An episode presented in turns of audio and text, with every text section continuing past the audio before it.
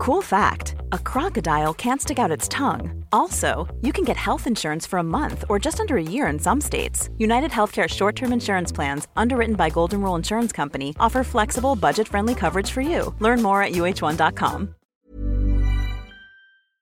Det pågår ju ständigt ett evolutionärt krig i våra tarmar. De funkar precis på samma sätt som andra levande djur. Man vill överleva och fortplanta sig.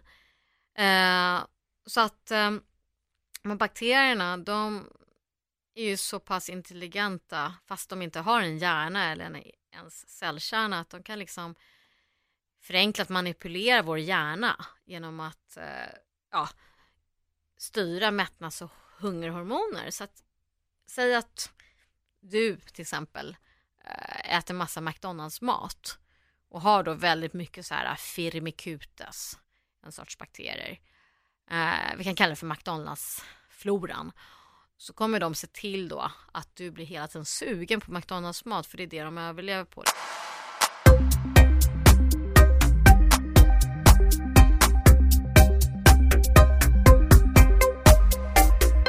Suki Choi, välkommen till Paul Podcast. Tack. Du har skrivit en bok som jag tycker är super, super intressant som heter Kimchi och kombucha, den nya vetenskapen om hur tarmbakterierna stärker din hjärna. Det stämmer.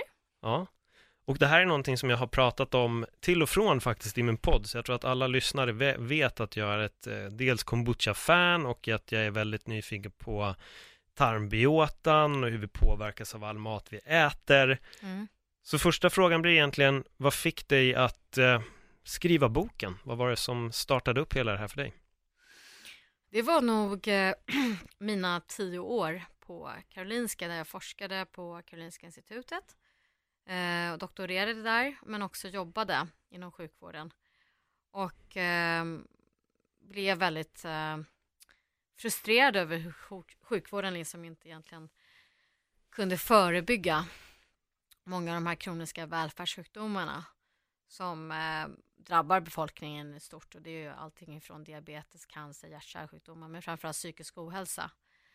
Så att eh, jag lämnade Karolinska och eh, tog ganska gott om tid på mig för att landa i var, var någonstans jag ska vara i samhällssystemet för att kunna jobba med det jag brinner för och det är ju just jobba med att eh, ja, få människor att kunna stärka sin egen hälsa själv och inte alltid bara proppa i sig mediciner eller skära bort saker. Så att eh, folkhälsa och folkbildning, det är ju det jag brinner för och eh, därmed så tyckte jag att det var det bästa sättet att använda min forskningskompetens. Det är ju att sammanställa spetskunskap och eh, ge den till så många som möjligt.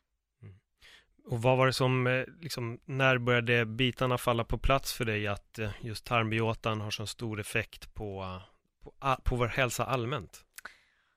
Ja, det var ju en otroligt spännande process men eh, jag drack väldigt mycket kombucha och bodde i Boulder, Colorado då. Eh, samtidigt som jag började göra min egen kimchi och även då Uh, har alltid läst nästan allt jag kommer över när det gäller hjärnforskning. Och sen så kom jag då över uh, superspännande artiklar som handlar just om den här uh, hjärntarmaxeln, gut-brain axis. Och började läsa mer och mer och mer. Och sen så var jag ju helt såld. Så kastade jag iväg ett synopsis till uh, två förlag. Uh, Bonnier och Norstedts, de enda jag kom på. Båda nappade, men det blev Bonnier till slut. Så att så kom boken till. Ja, skönt när man, eh, när båda nappar. Det är väl inte helt fel att känna? Nej, det var lite oväntat för jag räknade inte alls med att någon skulle nappa. Nej. Och eh, ja, jag hade inte lagt ner jättemycket tid heller på det så kallade synopsis. Jag skrev ihop det på en natt och skickade iväg. Mm. Ja, grymt jobbat. Jag har skrivit roman själv och jag har liksom inte fått napp, men eh, så jag, jag kan verkligen förstå känslan. ja, det var lite skumt. Men, men jättekul. Ja, men grattis får se och nu finns ju boken och den eh, släpptes för en månad sedan. Cirka. Cirka mm. en månad sedan. Slutet på augusti. Och då kan jag säga att nu när vi spelar in så är det då den 25 september. Så folk där ute har lite koll på när, mm. när vi pratar om. Men jag tänker lite på den här artikeln som du läste, just mellan the gut brain axis som du nämnde då. Mm det här är någonting som jag tror att inte jättemånga kanske är fullt medvetna om hur det funkar. Nej, det är jättenytt. Och det är spjutspetskunskap så att det är väldigt viktigt att poängtera att det här är yttersta framkanten av all forskning. Så att egentligen är det lite tidigt att skriva en populärvetenskaplig bok.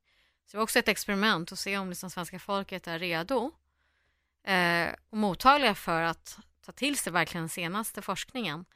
Eh, ja, och den har ju sålt bäst i Sverige nu sedan den släpptes. Så att obviously så fanns det något sug och mm.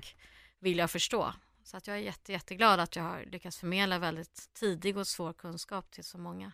Ja, nu har inte jag läst exakt hela boken, men däremot så tycker jag att eh, det känns mer som att man läser en Stig Larsson-roman, för att det blir bara intressantare och intressantare. Åh, vad glad jag blir! Tack så hemskt mycket. Ja. ja, det var jättekul att höra. Nej, men det är ju min första bok, det är ju min debutantbok och jag har ju stått för hela liksom hantverket och eh, det jag faktiskt kan ärligt säga att jag stängde in mig eh, i faktiskt mitt kök och eh, jobbade dygnet runt i, ja, eh, tio månader. Inklusive kvällar och helger för att alltså det var så extrema tids deadlines så jag fattade inte egentligen vad jag skrev på.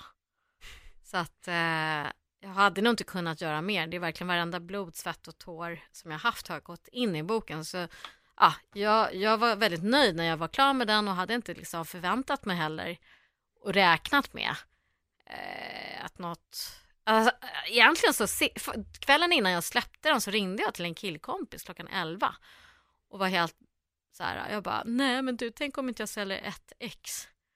Kan du fixa något jobb åt mig? Jag tar vad som helst. Så att han bara garva för jag har ju ändå liksom gått Handelshögskolan i Stockholm och doktorerat på KI och forskat på Harvard, men det liksom spelar ingen roll. Alltså man kan ju hamna i den där ängsligheten och totalt så här, man känner hur allt bara gungar under en, man bara ser den här avgrundsbotten och så min förläggare då på Bonnier, hon smsade mig när jag vaknade och skrev så här, ja, du ligger etta på Adlibris och Bokus. Jag bara, uh...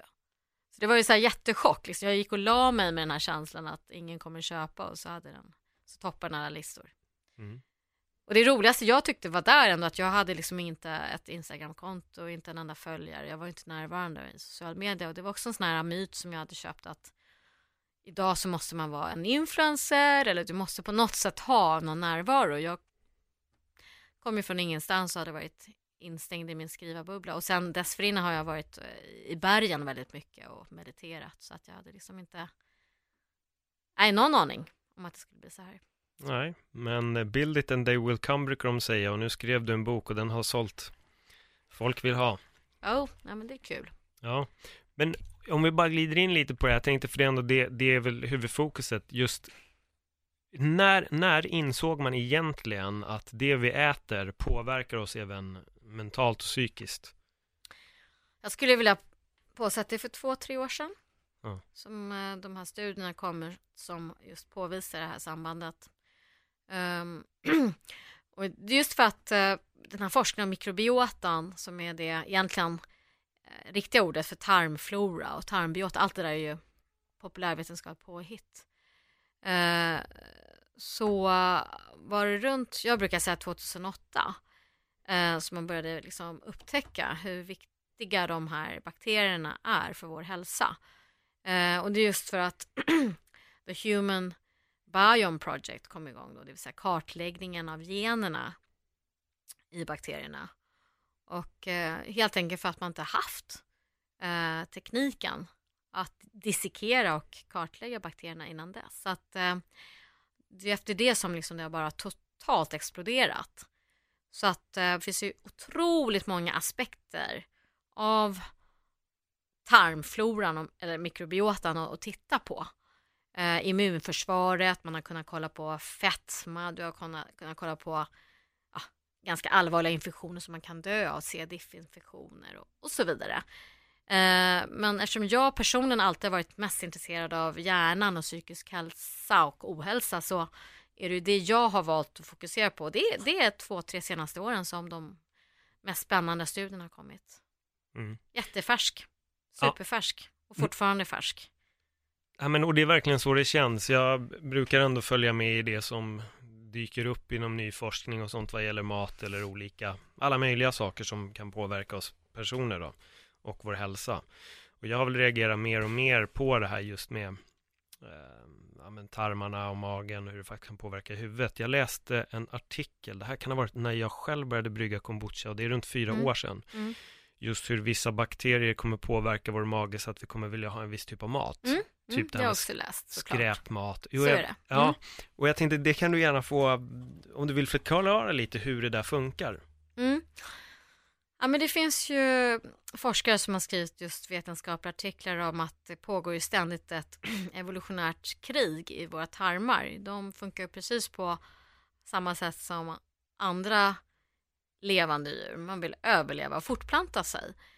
Eh, så att eh, men bakterierna, de är ju så pass intelligenta fast de inte har en hjärna eller en ens cellkärna att de kan liksom förenklat manipulera vår hjärna genom att eh, ja, styra mättnads och hungerhormoner. Så att säg att du till exempel eh, äter massa McDonalds-mat och har då väldigt mycket så här firmicutes, en sorts bakterier. Eh, vi kan kalla det för McDonalds-floran. Så kommer de se till då att du blir hela tiden sugen på McDonalds-mat för det är det de överlever på liksom. Så att ja, eh, då får du i dig liksom flera sådana bakterier. Medan som jag då som är uppvuxen på kimchi eftersom jag har sydkoreanska rötter. Jag dreglar fortfarande och får så här cravings och saliv. Alltså bara jag hör ordet kimchi så blir jag så här konstig. Alltså jag blir som en robot. Alltså jag blir jätteskum. Och de här cravings som människor har snackat om i tid och otid kanske då till stor del skulle bero på att det är våra liksom bakterier som ser till, att du blir sugen och styr det som en robot så att du äter den mat som gör att de överlever. Eh, och kimchi till exempel är en ja, sydkoreansk fermenterad rätt som äts väl varje dag av koreaner. Har ju till och med fått eh, det finns bakterier som kallas just för lactobacillus kimchi-bakterier. Så förmodligen har jag massa sådana. Så det är ju en överlevnadsagenda och eh, det är ganska positivt för då kan man också tänka sig att eh, man får draghjälp av de här bakterierna om man ska ställa om sin kost. Att det handlar inte bara om liksom, någon slags kognitiv viljestyrka och karaktär och liksom, eller feta människor kanske skyller på genetiken och det kanske finns en komponent men också att man kan se att det är de här eh, vad ska jag kalla det för, våra bugs, våra liksom små kryp i tarmen som faktiskt eh, är smarta. Och liksom den eh, storyn som alla inom, ja, som, som pysslar med bakterier och av bakterieforskning eh, brukar nämna. Jag brukar tycka att det är sån gammal historia att jag inte nämner det, men det är ju toxoplasma. Om du har hört talas om den? Ja, jag ska inte säga att jag kan Ja. förklara vad det är. Jo, men det funkar så att eh, det finns en, ett virus som eh, bara kan överleva i katts tarmar. De måste liksom in i en katts tarm för att överleva. Eh, så att när de befinner sig liksom i en mus eh, så, så ser de till att liksom manipulera musen så att de blir liksom sexuellt upphetsade av kattens urin. Och det är lite så här, äh, möss liksom är alltid programmerade, det är jättespännande, att undvika kattens ja, kisslukt. Det finns en överlevnadsfaktor att inte närma sig det. Men de här mössen då, som är infekterade av toxoplasmaviruset, eh, blir helt kåta på kattpiss. Så att eh, de blir ju liksom en enkel munsbit för katterna. Och det här är ju liksom det här klassiska exemplet på liksom hur små kryp manipulerar sitt värddjur, i det här fallet musen, för att de ska överleva. De skiter fullständigt i musen, bara vill in i kattens tarmar och ja, det här är ju ett tydligt exempel på, man kan ju ironiskt fråga sig, men vem är det som styr vem liksom? Det här är jätteintressant, Ah. så det, då kan man alltså få McDonalds-bakterien som får oss att göda på oss, äta Mm. jättemycket negativ mat. Ja. Jag, jag kan se länken, det, Mm. det gör jag direkt. Och att du hamnar i de här onda spiralerna. Ja. Och, och stress ingår också där som en komponent som också verkar, eh, som samverkar väldigt snabbt med att du blir sugen på fet och sockerrik mat Just det. när du är stressad. Så att det är liksom lite att du får välja mellan två eh, cykler, den goda cykeln eller den onda och liksom, ja, hamnar du liksom i den onda, men då är det lätt att det börjar gå ut för liksom och hamnar i den goda, men då ja, är du kvar i den. Så att det är ju oftast det jag också tycker man kan se. Att de som har en, liksom en god vana oftast har flera goda vanor.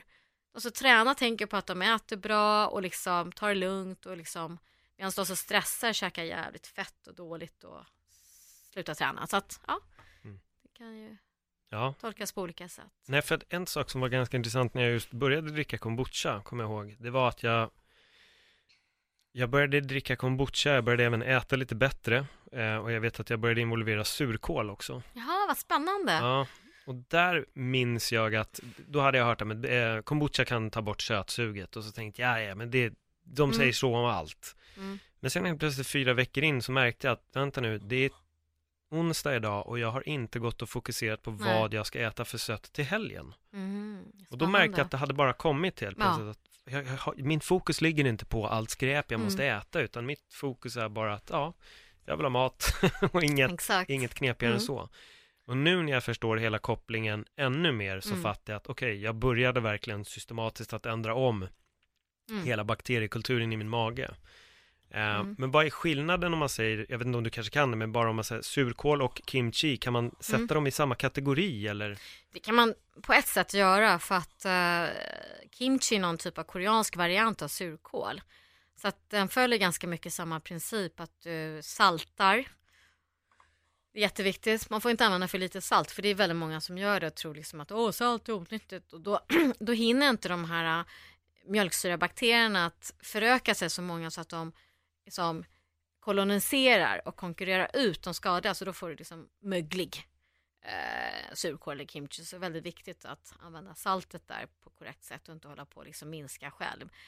Men sen så har det faktiskt som är så spännande intressant är att när det gäller kimchi så innehåller ju den man talar den för så här triagen, liksom de här tre kryddorna som alltid ingår i många koreanska rätter, chili, ingefära, vitlök. Att det finns liksom inte i vanlig surkål, men det har ju visat sig liksom just öka antalet bakterier något enormt och eh, Av att tillsätta de komponenterna? och eh, få, få andra typer av bakterier. Vilket gör att kimchi slår ju ändå surkål med hästlängden när man tittar på antalet bakterier. I kimchi kan du hitta en miljard till hundra miljarder eh, bakterier per gram. Oj. Ja, det är stora siffror här så att du behöver i princip bara få i dig ett gram. Vilket är ingenting. Nej. Eh, för man säger, det finns ingen dagsdos såklart. Eller, det är svårt att överdosera. Men forskningen, de flesta pekar på att eh, om du vill ha en hälsoeffekt ska du försöka få i dig 10 till 30 miljarder bakterier om dagen. Det låter jättemycket men det är liksom en tiondels gram av kimchi liksom. eller en trettiondels gram. De är ju många och små. Ja. Eh, ja. Och sen yoghurt innehåller 100 miljoner eh, bakterier per gram. Så där behöver du då käka en portion. Och sen så eh, kombucha innehåller en miljon per milliliter. Vilket gör att eh, man ska nog se mer, tycker jag, kombucha som ett väldigt bra helhetsdryck som innehåller även andra goda saker som organiska syror, antioxidanter, mycket sådana här polyfenoler som, är, som tar hand om mycket av de här skadliga fria radikalerna. Polyfenoler är det som även finns i vin va? Om jag inte är helt ute och snurrar Yes, va? Men och i här- te. Exakt. Ja, och så skriver jag i min bok en lista Mm. egentligen på alla nyttigheter som finns. Mm. Eh, och givetvis också mjölksyrabakterier. Ehm, men det beror ju på liksom vad man är ute efter. Om man vill verkligen liksom ha eh, garanterat bra med bakterier, ja, men då är det smartast att käka kimchi eller surkål. Mm. Eller en tallrik yoghurt liksom. Just det. Det är kanske är enklare för de flesta än att börja med. Och jag vill bara poängtera till alla lyssnare, anledningen till att jag nämnde polyfenoler också för att man ska välja kombucha istället för vin. Så det var inte att någon får för sig att vad bra, nu kan jag dricka en massa vin, utan Ja. nej, håller till kombuchan Nej, kombucha tror jag istället. precis just det det handlar om, att det är perfekta alkoholfria alternativet.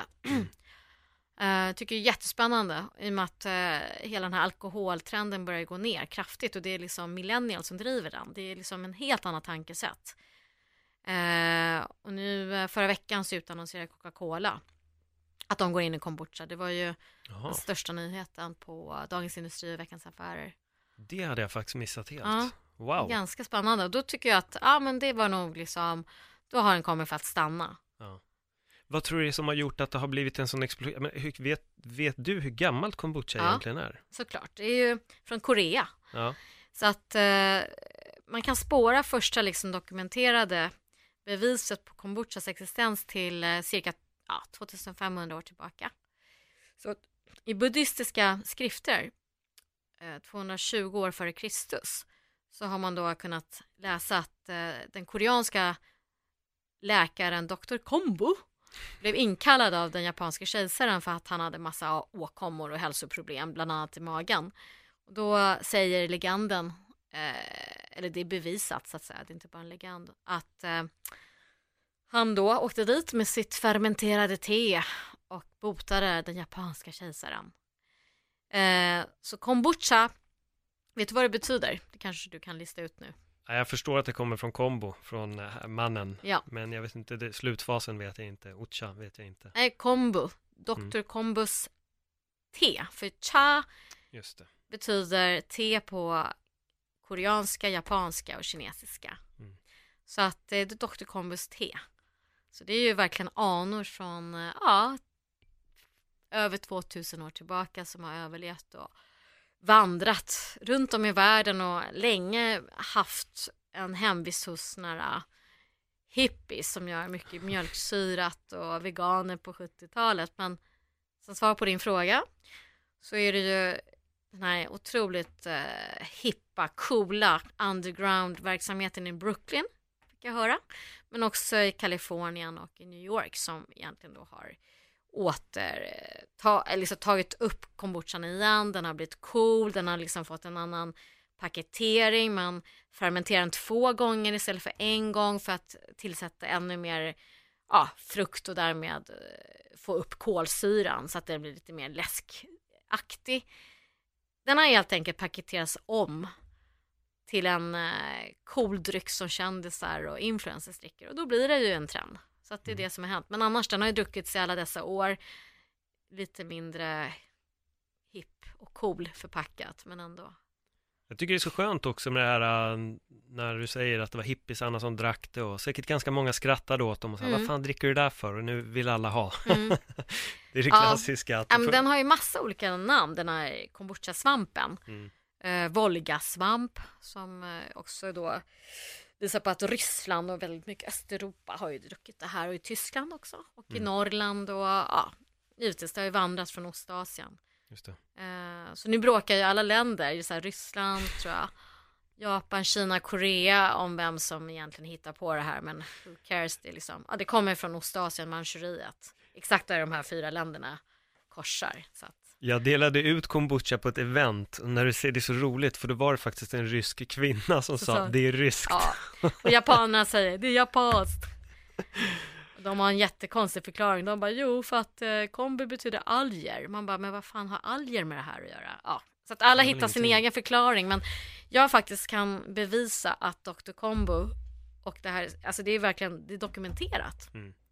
Just i, Jag har skrifter. faktiskt läst historien när du berättade Mm. den, för jag läste en bok om kombucha-bryggning när jag började Mm. brygga och när du började berätta historien så kände det här har jag faktiskt Mm. läst, då minns jag den här men jag har ju en forskarbakgrund så jag, jag kör evidens. Yes, ja men det, det, det är rätt, det är bra. Så det är, ja. Men bara för en liten grej där, ehm, för det här är ju en diskussion som också många tar. Vissa säger att det inte är en svamp. För att det, det kallas ju även för SCOBY, Synthetic Culture Ja, men det är ingen Bacteria svamp. in Yeast. Nej, precis. Nej. Men du sa kombucha-svamp, det var därför. Äh, men det är för att man ska förklara för gemene man och det är ju Yes. liksom just för att den ser ut som en svamp. Den är ju vit och len och liksom består mest av cellulosa, Mm. fibrer. Men det är ju ett stort ekosystem och hem just för eh, bakterier och olika gästarter. Så att Scooby som du säger myntades 96 av en amerikan just för att egentligen skilja svampen från, eller förlåt, inte svampen men eh, kombucha-kulturen från startvätskan. För Mm. det liksom blandades ihop för man behöver liksom en stark potent startvätska som en del säger nästan viktigare än själva liksom kombucha-kulturen. Men alltså man använder kultur på båda så alla blev Mm. förvirrade så att då eh, var en amerikan som döpte den här grejen som flyter omkring till SCOBY. Mm. Som står för Symbiotic Culture of Bacteria and Yeast. Och det är precis vad det är. En symbiotisk kultur av bakterier och jäst. Precis. Ja. Nej, för han var väldigt hård med det, David, min vän som gav mig min första kultur. Han bara, det är inte en svamp. Han bara, väldigt många vill säga att det är det, men Ja. det är en SCOBY och så förklarar Samtidigt så han. säger vi så att det är en svamp därför att jäst Mm. är ju en typ av svamp. Så att liksom, ja, var går gränsen? Ja.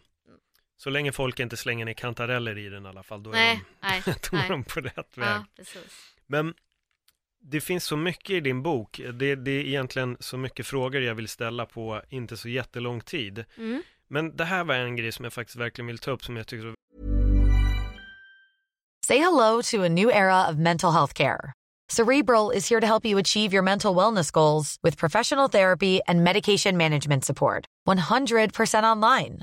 You'll experience the all new Cerebral Way, an innovative approach to mental wellness designed around you.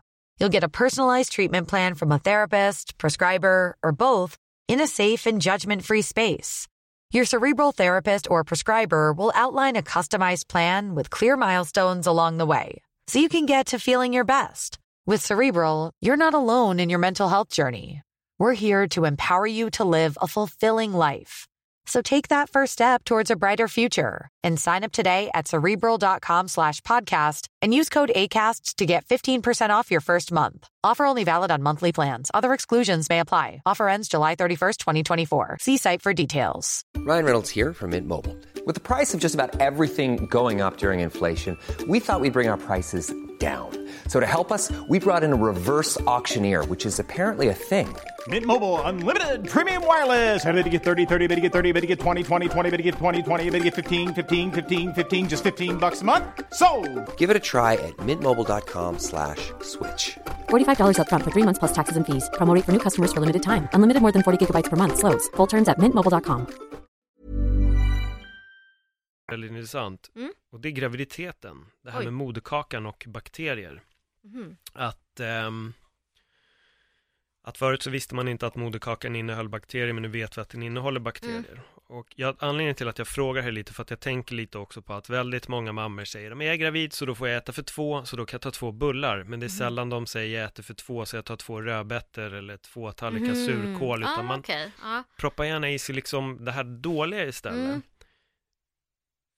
Hur ser forskningen ut på Mm. den biten vad gäller vad... Oj, det där var en jättekänslig fråga. Ja, det och förstår eh, jag. du är modig för det är ingen annan som har vågat gå in på det och jag vet inte om jag ens vågar svara för det är Nej. så mycket.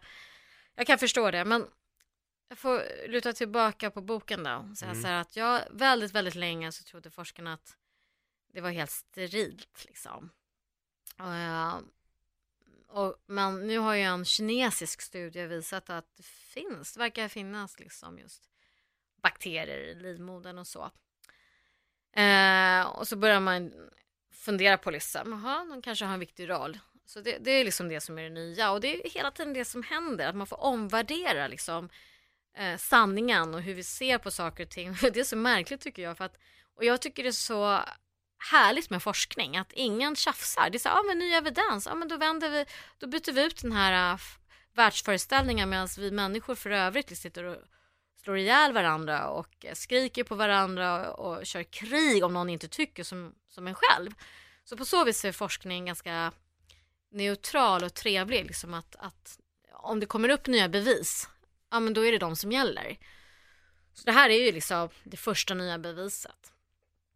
Um, det man har kunnat se är ju att uh, många menar på att ja, men hur ditt liv utvecklas och de hälsoprognoser du får eh, vet ju många nu att det är väldigt avgörande hur eh, din tarmflora som går hand i hand med hjärnans utveckling utvecklas de första två, tre åren.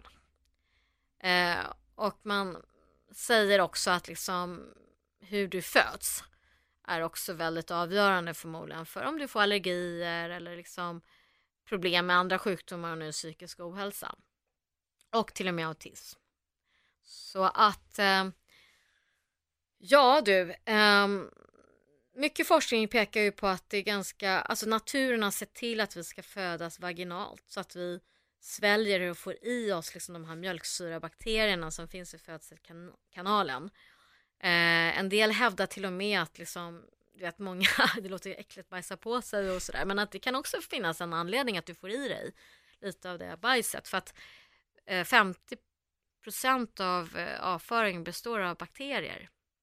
Så det här börjar människor undra, så här, men shit, naturen har ju sett till att du ska få en så himla bra start som möjligt. För bakteriernas uppgifter är väldigt många. En av dem är att träna upp ditt immunförsvar. Det är de som är dina PTs, coacher. Och eh, efter då att du fötts helst vaginal, så, så är ju amning också väldigt viktigt för man kan se att eh, bröstmjölken innehåller helt enormt mycket så, så kallade prebiotiska fibrer eh, som har visat sig ha väldigt lugnande effekt på hjärnan och nervsystemet. Eh, galacto-oligosackarider men också eh, Bifidobacterium infantis som också reglerar stress och lugnar så att och har tror man väldigt viktig roll för hjärnans utveckling så att det är nästan som att naturen har liksom programmerats till att människan ska få en så bra start som möjligt.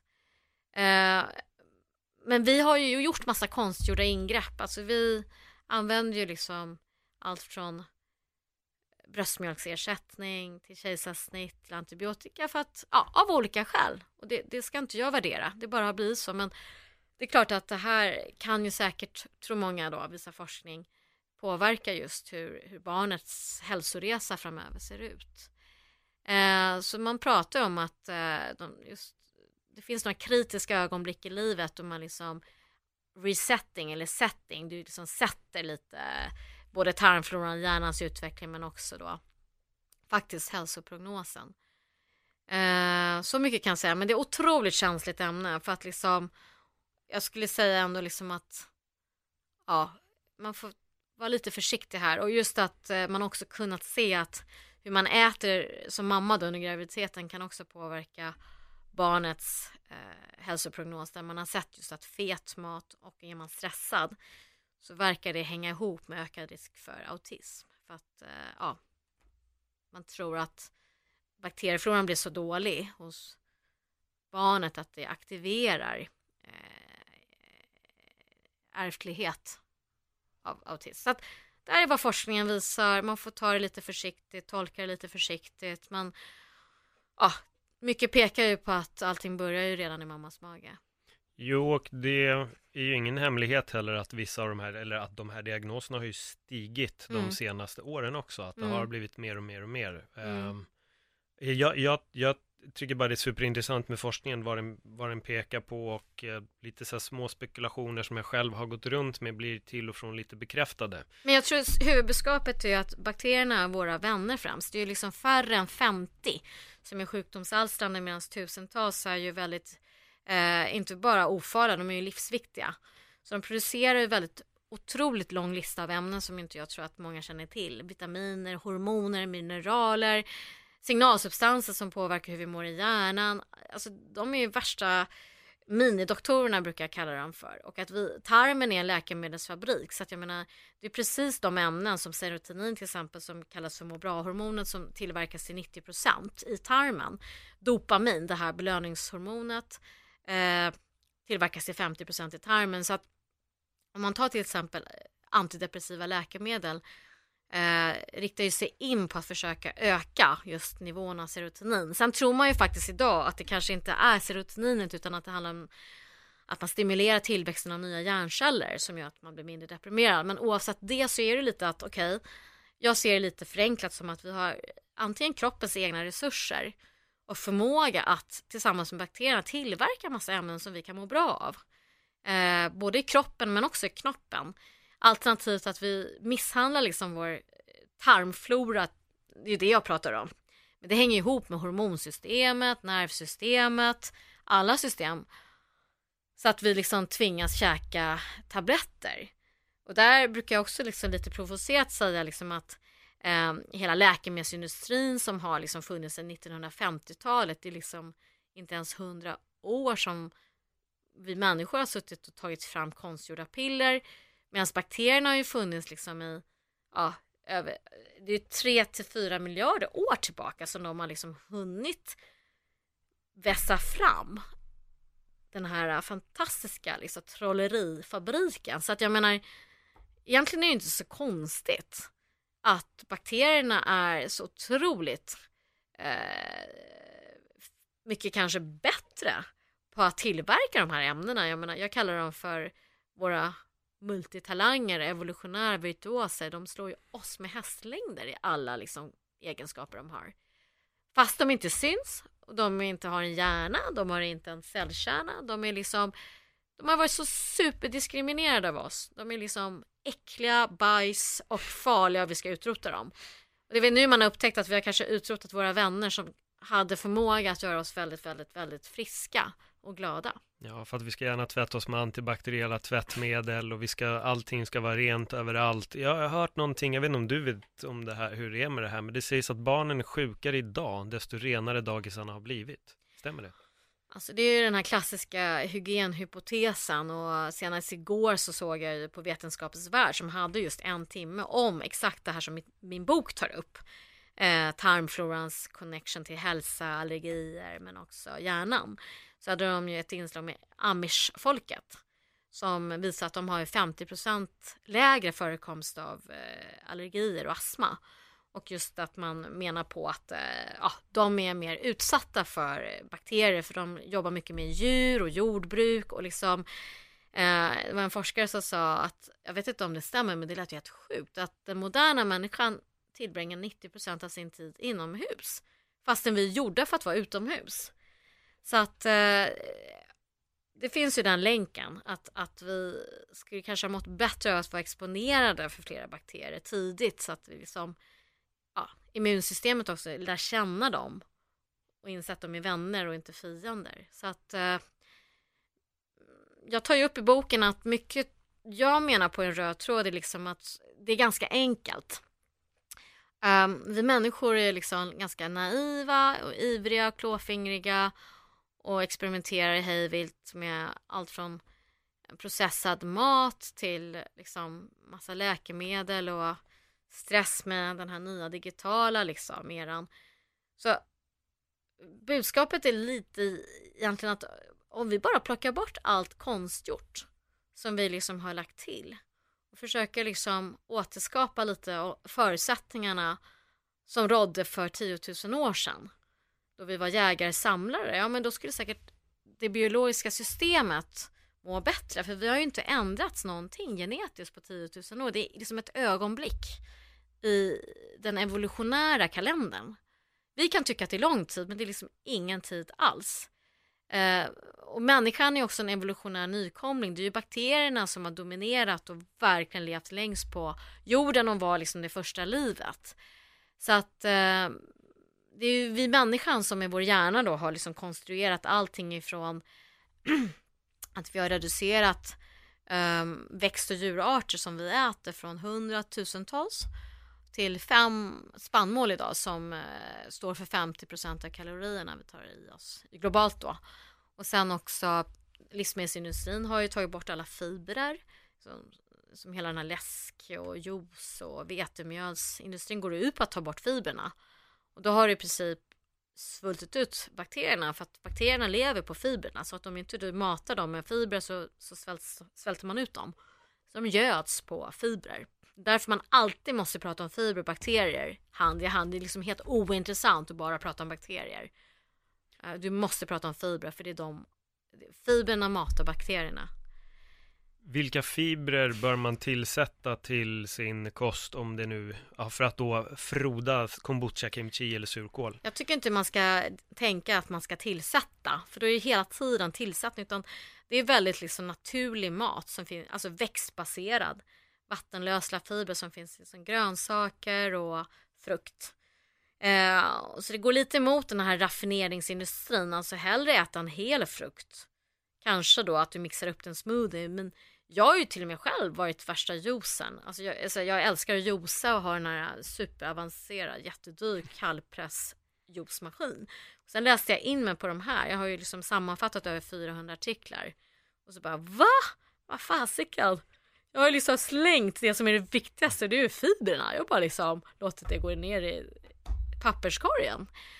Så att ehm, eh, gör det inte så komplicerat. Ät helst grönt. frukten som du hittar i naturen, även liksom grönsaker. Sen har man ju upptäckt att den här food science är superavancerat. Det är liksom vi som tycker att det är ganska så här, ja, inte så märkvärdigt, men när man talar med molekylärbiologer så är, liksom, så är food science något av det mest avancerade som vi fortfarande inte riktigt har liksom, eh, utforskat. Så att naturen, liksom, hur den, alltså vi bara äter, jag tror inte vi uppskattar vad vi äter. Liksom en frukt, ett äpple innehåller hur många olika ämnen som helst som samverkar. Eh, så det är ett sätt att få i sig fibrer. Det andra är ju resistent stärkelse som är också en sorts fibrer. Och eh, det är ju produkter som har varit ganska svartlistade länge eh, av eh, LCHF och GI-förespråkare och det är alltså potatis, ris och pasta som när de kallnar så förändras liksom sockerkedjorna och blir resistent och det betyder ju då att inte, vårt, våra tarmar faktiskt kan bryta ner utan det blir mat till bakterierna. Eh, och det som är så viktigt där är att det är det som är deras favoritmat för att producera eh, smörsyra. Smörsyra är en antiinflammatorisk eh, metabolit som eh, har ju visat i så många studier, både djur och människor, hur den kan liksom hämma allt ifrån cancer i tjocktarmen, öka minnet hos eh, möss och hjälpa just eh, ja, Alzheimer-liknande symptom som möss har. Och nu det senaste, på tal om träning, så har ju eh, smörsyra eh, visat sig eh, liksom öka både hur snabbt du kan springa och hur långt. Eh, och även om det är möss man har gjort det här på så har ju liksom hela idrotts eliten i USA nu gått bananza så alltså de skannar ju sin tarmflora för att verkligen pimpa den. Så att de liksom ser till att de har smörsyreproducerande bakterier. Och då ska du faktiskt äta eh, kall potatis och kallt ris. Men det bästa är att käka potatismjöl som är nästan definitionen av resistent stärkelse. 72% av potatismjölet anses vara resistent stärkelse men alltså här måste man ju vara en hälsofanatiker för jag, jag har liksom provat det. Alltså du späder ut två, tre matskedar potatismjöl med kallt vatten och dricker det varje dag. Men fan det är skitäckligt. Så att eh, jag, jag hittar andra sätt. Rå sötpotatis är min... Eh, Men är det bättre då alltså med kall, alltså kall, låta det kall, om, när du säger rå sötpotatis, då har du inte tillagat den alls Nej. eller? Bara äta rå Ja. sötpotatis? Mm. Så det skulle man teoretiskt sett då, om man nu gillar smoothies, kunna mixa det i en smoothie och ha ner Ja men det bästa exemplet där tycker jag nästan är att ta kall potatis och slänga i. Mm. Eh, finns det smoothies nu såg jag på marknaden som till och med har kall potatis i. Ja. Alltså, så- jag vet att du har jättetajt om tid ehm, och jag känner bara att vi har inte ens påbörjat gå in på allting som jag, jag skulle vilja gå in på. Men fan, det här är, det är så jätteintressant med maten och, och allt. Mm. Du hade lagt upp en grej i din bok som är morgondagens sjukvård. Hur tror du att den kommer att se ut? För att när du ändå nämner det här med eh, bajs är ju jättekänsligt för folk, men vi vet också just nu att folk med bra tarmbakterier kan eh, donera sitt bajs som man kan injicera i folk som har dåliga tarmbakterier och då ändrar den liksom om tarmfloran så att allting blir jättebra. Mm. Eh, vilket jag tycker är superintressant, för förut har ju folk varit panikslagna för bokstavligen skit och nu inser vi att det är skitbra med skit. Ja det är jättebra.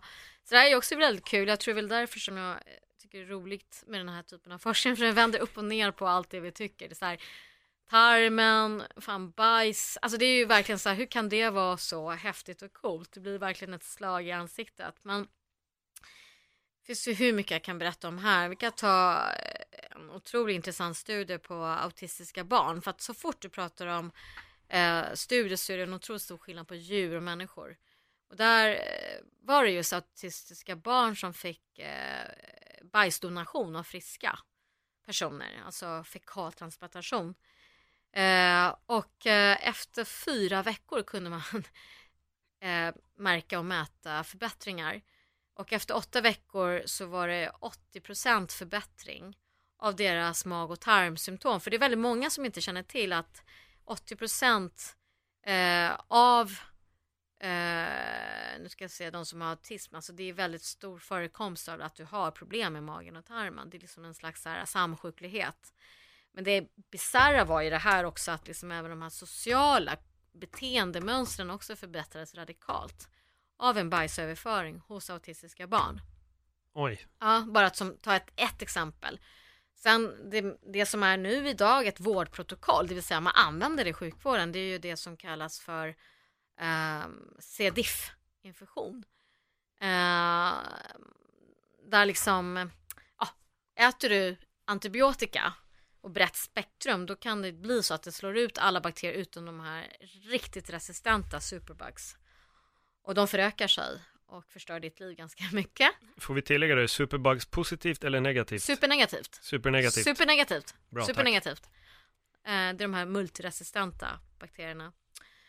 Eh, och då har många liksom fått ännu mer antibiotika och då blir de ännu mer resistenta. Så att det är liksom en otrolig ond spiral så att man gör dem ännu liksom farligare. Och då har just fekaltransplantation, alltså bajsöverföring, visat sig vara så sjukt effektivt. Så 90 procent av alla som har C-diff blir bra inom två till fyra dagar, kanske ännu tidigare. Och, det, det vis, och forskarna vet inte egentligen varför det är så. Och eh, tidigare har man ju fört över, alltså bajs, så stoppat in det i ändtarmen, men nu så tar man ofta tabletter, eller vad säga kapslar, som man har låtit frysa med liksom en annan människas bajs. Då får du äta ganska många sådana tabletter.